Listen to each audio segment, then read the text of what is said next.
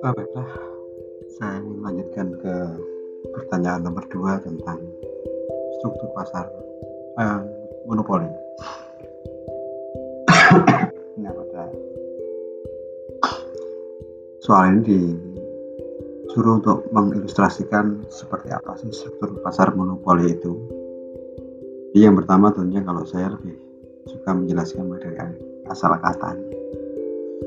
Monopoli sendiri berasal dari bahasa Yunani monos dan olein monos artinya satu kemudian olein artinya jual ini merupakan salah satu bentuk pasar di mana hanya terdapat satu penjual yang menguasai pasar. Sehingga penentu harga pada pasar tersebut ya seorang penjual yang sering disebut dengan monopolis. Kemudian ada ilustrasi selanjutnya atau penjelasan selanjutnya. Kenapa sih eh, monopoli ini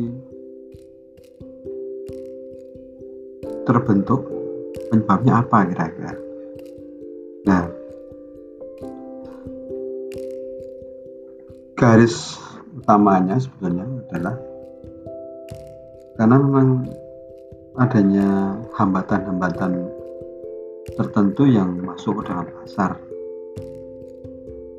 tertentunya masuk ke pasar ini ada tiga hal yang misalnya karena sumber daya kunci dikuasai oleh perusahaan tunggal tersebut. Dan yang kedua pemerintah melalui hak eksklusifnya memberikan hak eksklusif kepada perusahaan untuk memproduksi dan menjual barang-barang tertentu. Kita sebagai regulator membuat apa yang memberi kemudahan memberi hak lah kepada perusahaan-perusahaan tersebut untuk memproduksi dan menjual barangnya. Dan yang ketiga eh, terjadinya monopoli ya karena biaya produksi itu akan lebih efisien apabila di pasar itu hanya ada satu perusahaan tunggal yang membuat produk itu daripada ada banyak perusahaan yang produksi barang itu. Kata kuncinya adalah lebih efisien. Perusahaan monopoli punya suatu sumber daya tertentu yang unik dan tidak dimiliki oleh perusahaan lain. Monopoli tersebut terwujud dan berubah undang-undang pemerintah tadi seperti saya katakan di awal. Pemerintah memberikan hak monopoli kepada perusahaan-perusahaan. Nah, ciri-cirinya kemudian yang lebih simpel adalah ciri-ciri dari pasar monopoli hanya satu perusahaan. Yang kedua, tidak mempunyai barang pengganti yang mirip atau substitusinya itu nggak ada. Kemudian tidak terdapat kemungkinan untuk masuk ke dalam industri. Dalam menentukan penentuan harga prestasi dapat si perusahaan tersebut, perusahaan tunggal tersebut dapat mempengaruhi penentuan harga atau price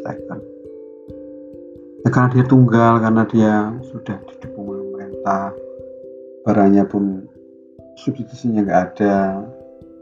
Kemudian dia harus prestaker makanya hampir dipastikan promosinya pun nggak usah diperlukan. Karena tanpa promosi itu si perusahaan penentu harga ini sudah bisa menjual barangnya dulu waktu kecil saya menggambarkan seperti ketika saya main-main monopoli ada satu dua kemudian kita harus mengikuti aturan aturan mereka. Ya akhirnya benar-benar nggak sehat ini pasar monopoli menurut saya. Contoh pasar monopoli di negara kita di Indonesia itu misalnya ya sebetulnya itu perusahaan yang didukung oleh pemerintah. Entah itu pemerintah pusat maupun pemerintah daerah. Seperti misalnya PT KAI atau PT KAI kemudian PLN Pertamina. Kalau di daerah ada PDAM dan kalau boleh sedikit e, memberikan pernyataan bahwa pasar monopoli ini menurut saya memang tidak sehat dan lebih nampak lagi anehnya seperti KAI, PLN, Pertamina, bahkan PDAP, PDAE pun sering kali diberitakan perusahaan-perusahaan nasional dan perusahaan daerah yang banyak sekali menampakkan kerugiannya. Aneh saja, perubahan yang monopolistik seperti itu ternyata malah dalam hal profitnya justru mengalami kerugian yang cukup banyak. PLN isunya banyak. Ya. Dulu PLN kan memegang tunggal energi di Indonesia listrik terutama dengan Pertamina walaupun sekarang pemerintah dengan kebijakannya menempatkan Ahok misalnya menjadi kombonya ya nyatanya juga masih begitu-begitu saja di daerah misalnya PDAM dulu pernah BD itu mengikut sertakan modalnya atau penyertaan modal di PDAM tapi ternyata juga entah kenapa perusahaan-perusahaan yang monopolistik tersebut seperti KAI, PLN, Pertamina, PDAM juga ternyata juga masih tetap mengalami kerugian. Padahal sudah monopoli loh. Kira-kira seperti itu penjelasan saya untuk yang pertanyaan A dan B. Terima kasih.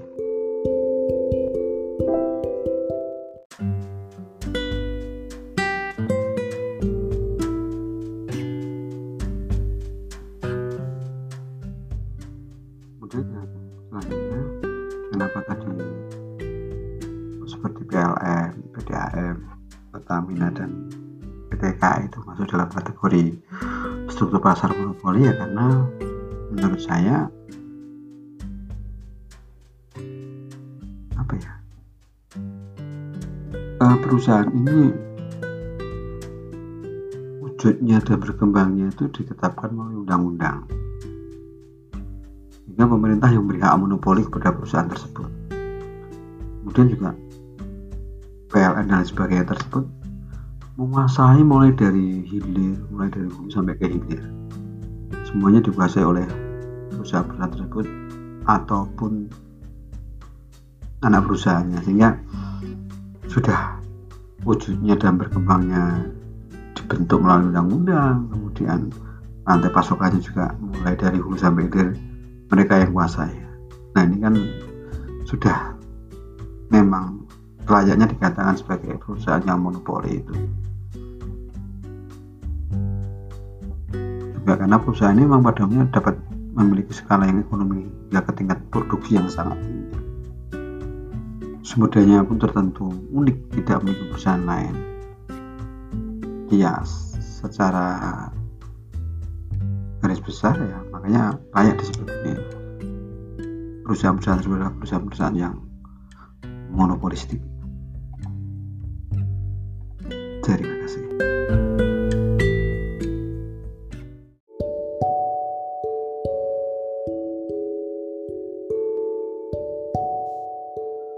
Saya akan menjawab coba nomor 2C yaitu menjelaskan gambar yang ada di grafik. Grafik tersebut merupakan penggambaran dari uh, pasar monopoli yang merupakan keseimbangan pasar jadi pada grafik tersebut uh, merupakan penentuan harga dan output pasar monopoli mana kita tahu bahwa perusahaan monopoli adalah merupakan penentu harga. Jadi pada kurva D. Ini merupakan penjual tunggal produk yang tidak memiliki substitusi sehingga permintaannya yaitu D adalah memiliki kepentingan negatif. Di, kemudian karena memiliki kepentingan negatif sehingga kurva marginal revenue atau MR berada di bawah kurva D. Dan tingkat output yang paling menguntungkan adalah pada saat marginal revenue sama dengan marginal cost yaitu pada output kuantitasnya sekitar uh, 500 poin pada posisi Q sama dengan 500 ini merupakan tingkat output yang paling menguntungkan perusahaan tersebut. Penentuan harga terbaik dicapai pada saat price lebih besar dari marginal revenue yaitu pada posisi A 15 eh 11 11 dolar kemudian impas rugi dan untungnya uh, kita melihat bisa melihat dari average total cost di mana tingkat harga output terbaik pada saat price sama dengan average total cost. Kemudian yaitu pada angka berapa ini 500 kemudian keuntungan itu pada saat price lebih besar daripada average total cost. Kemudian yang paling jelek adalah ketika price kurang dari atau average total cost sehingga itu akan mengalami kerugian. Itu pada posisi F. Posisi eh pada posisi E.